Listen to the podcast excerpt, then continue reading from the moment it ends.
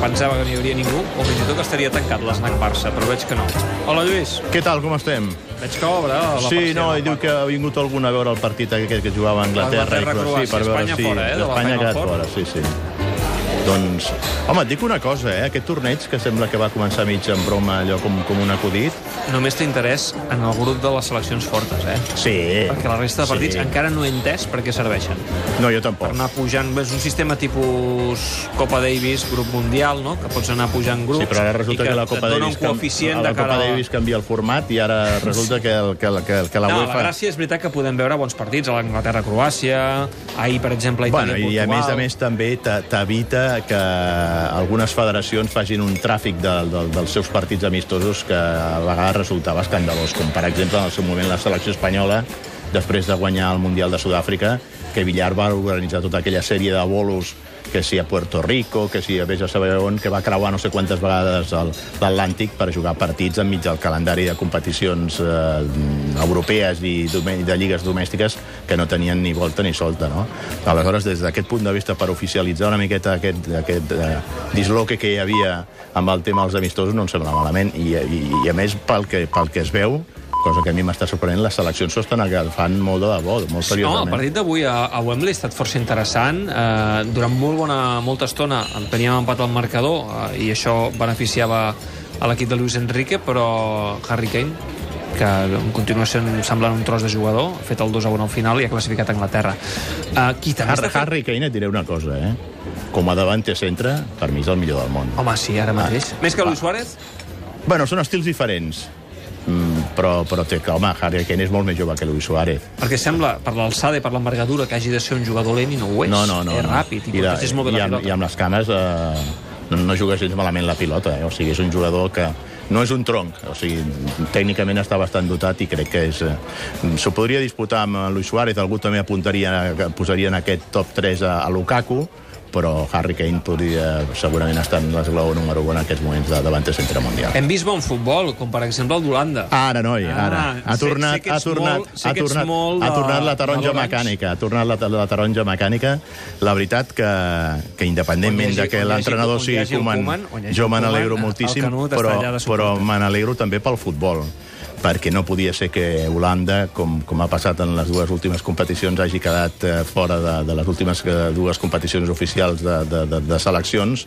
No va estar al Mundial, no va estar a l'última Eurocopa, i crec que un futbol com l'holandès no es pot permetre aquest luxe. I 2 a 0 a França, fent molt bon futbol, eh? Perdona, venen de guanyar els dos últims campions del món. 3 a 0 a Alemanya i 2 a 0 a França, i com tu bé dius, fent molt bon futbol, amb futbolistes joves i amb la possibilitat d'entrar en aquesta Final Four. Si perquè els hi queda el partit de demà, juguen a Alemanya, Alemanya. Alemanya-Holanda, perquè França ja ha jugat tots els partits. L'empat els hi val. Sí, correcte, perquè França és líder 7 punts, però ja ha jugat tots els partits i queden segona Holanda, tercera Alemanya, només el primer va a la Final Four. Si Holanda empata o guanya, eh, passaria a la Final Four juntament amb Portugal tu- i tu- amb Anglaterra. doncs sobre el paper és una sorpresa perquè era, diguem-ne, entre cometes, a l'inici de, de la competició la Ventafocs, perquè jugava contra dues campiones del món, la del 2014 i la del 2018, dues seleccions d'un potencial enorme com són Alemanya i ja no cal dir-ho, lo de França.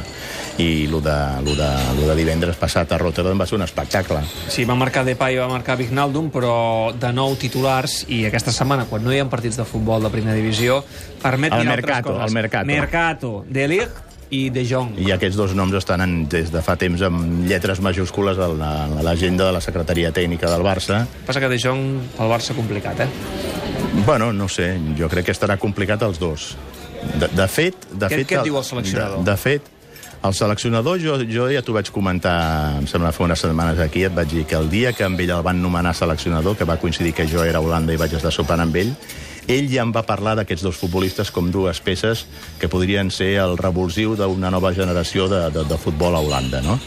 Deliti era més conegut perquè havia tret el cap en aquella final de l'Europa League entre el United i l'Ajax, que amb 17 anys va ser el jugador més jove en jugar una final europea, continental, però, però De Jong pràcticament, vaja, crec que més, he llegit que porta 39 partits a l'Eredivisie, és a dir, no, no, no porta gaire més d'un any i, i poc, i que ja Koeman tingués clar que era un dels jugadors que podrien ser els jugadors que signifiquessin la nova generació de futbolistes d'Holanda, doncs parlàvem molt en favor seu d'aquest jugador, que a més és un futbolista... Parlàvem molt de l'ADN d'Artur, per jugar al Barça, doncs jo crec que encara es, es, amb, amb doble i amb, es doble l'ADN que pugui tenir de, uh, Frankie de Jong per jugar en aquesta zona al mig del camp, tant com interior com, però, però com la al tenim centre. Bueno, i a més a més hi ha Rabiot.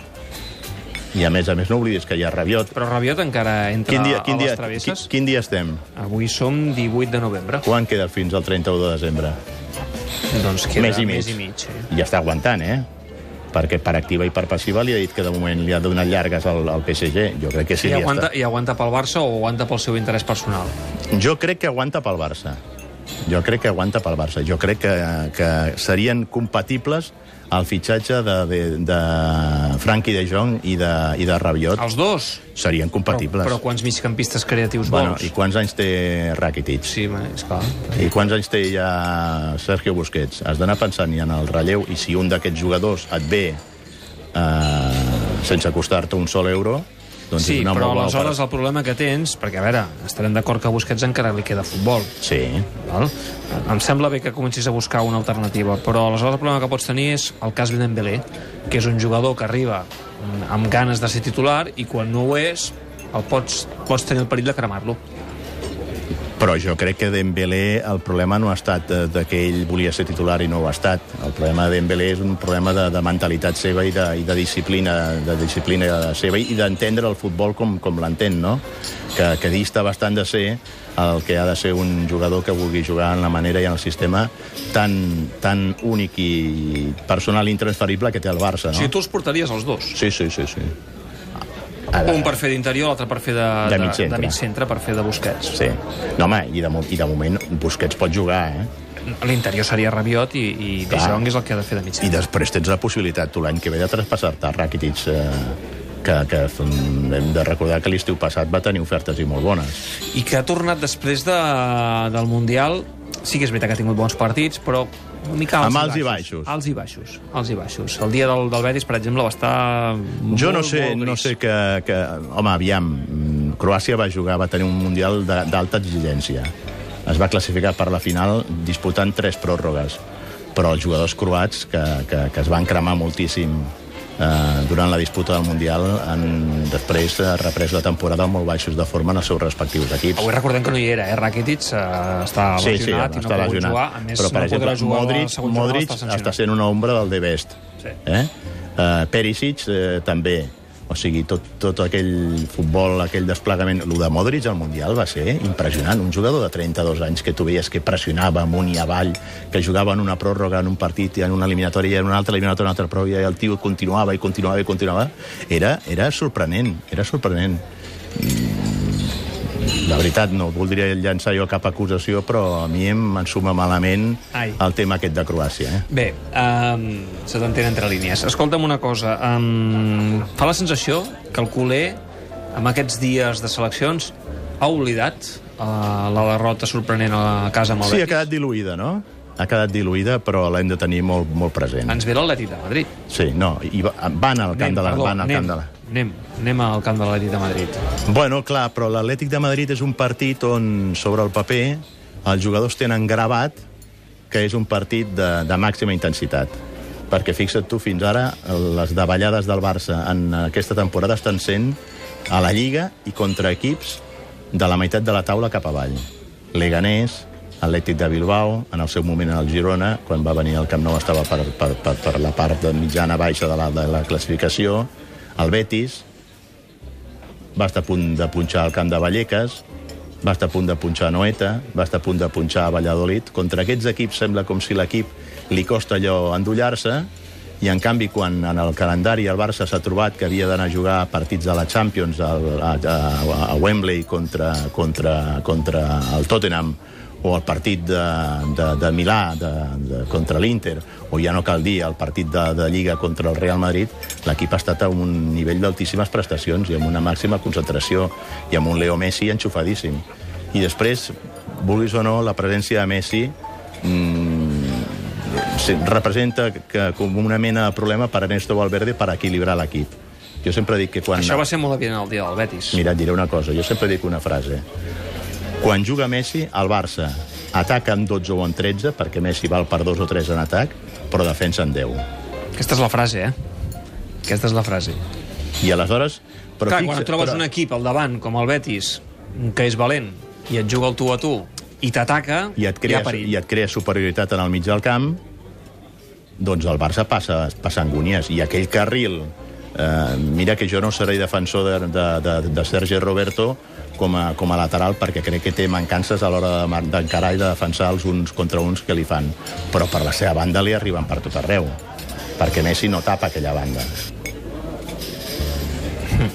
Bé, en fi, um, dissabte I ja en canvi, fixa't de... tu que els partits, el partit, per exemple, de, de, de Wembley contra el Tottenham, que Messi va fer un desplegament físic tant en atac com en defensa, mm. fins al punt que va ser un dels jugadors que més pilotes va recuperar, aquell dia el Barça no va tenir aquests problemes d'equilibri. I hi ha una frase de Jordi Alba que va dir veient treballar de la manera que hem vist treballar a Leo Messi, qui no es posa avui a córrer i a suar la samarreta?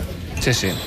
Bé, en fi, uh, setmana que ve serà interessant aquest partit al Wanda Metropolitano, Atlètic de Madrid-Barça, a partir de tres quarts de nou, i, uh, evidentment, uh, haurem de reservar taula, perquè avui hem vingut tranquil·lament i hem pogut triar Sí, avui tranquil. lloc, però la setmana que ve, mira, et deixo que ara vagis al Paco i Jo crec que el Paco... que et reservi jo, aquella taula que jo, és la bona. Jo crec que el Paco no es queda ni pel partit d'Espanya avui, aquest no, amistós. és que és un amistós també una mica descafeinat, no? El millor que podia... Amb Jordi Alba, per cert, Sí, que no t'he sí. preguntat. Sí, aquesta és bona, Has vist la imatge de quan aquesta setmana, quan Jordi Alba arriba a la concentració abraçant-se a Luis Enrique, Luis Enrique rient, i penso, dic, ostres, tanta pantomima per acabar veient i tornant a Bueno, la però, selecció? però ha estat una manera eh, com Luis Enrique... Perquè és una evidència. I és així, malgrat ara ho vulguin negar. No es portaven bé. No, no, no, no, no. I a més a més... Fatal.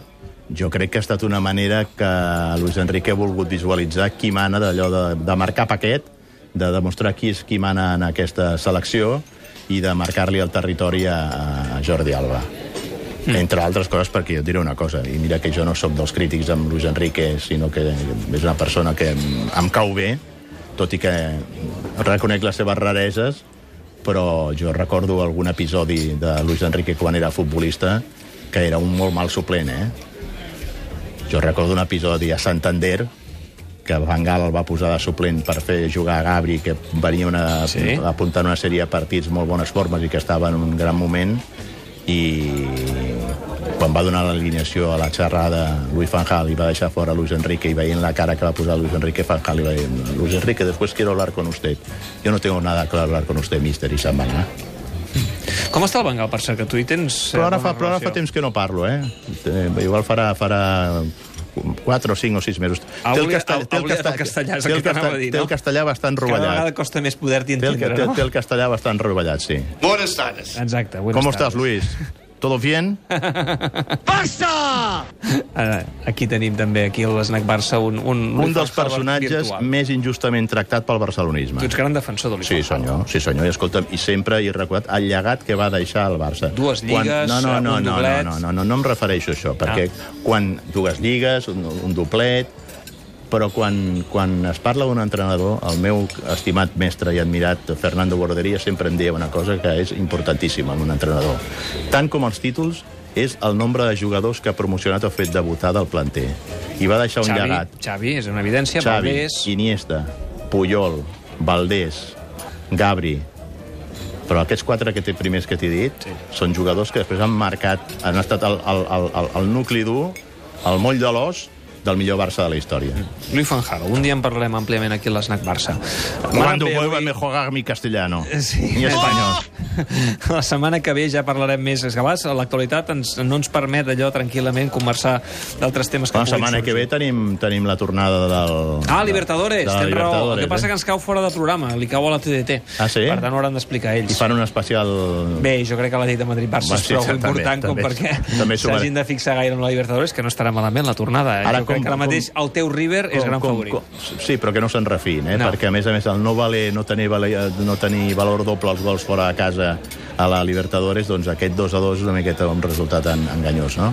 Però t'anava a dir que bé venen al Pollino els, els, els argentins, eh? Sí. Perquè d'un futbol no va estar malament, perquè era No, d'anada i tornada, d'anada i tornada, molt intens, d'això, però un futbol molt rudimentari, molt tant. rudimenta- rudimentari, on es va confirmar la Ja famosa... veuràs, ja veuràs a la al final del Mundial de Clubs, que a priori ha de jugar-lo al Madrid, si Exacte, supera rondes exacte. prèvies, ja veurem El repàs si el Madrid eh, és, el repàs se'l repassa o no se'l repassa, sigui River, sigui Boca. com, com quan fa 3, 3 anys el Barça va jugar a la final contra River amb Messi malalt i tal, i va guanyar el Barça Ah. Amb, amb, amb, amb claretat. I, I es fa bona aquella famosa frase de Di Stefano que deia «Che, en Argentina vendemos a los buenos para pagar a los malos». Sí, exacte. Molt bé, Lluís, escolta, me'n vaig cap a dalt. Paco, posa'm una camamilla, que estic una mica regidaret. De... Sí, tinc l'est- l'estómac una mica així, així. Va, l'emporto cap a dalt i et deixo aquí amb el Paco. Reserva'm la taula per la setmana que ve, eh? Sí. Pel dia del guany. Home, home, aquí estarem però clavats, firmes. Molt bé, que gràcies, molt bé, Lluís. David. Adéu, vagi bé. Adéu, adéu. Adéu, Paco.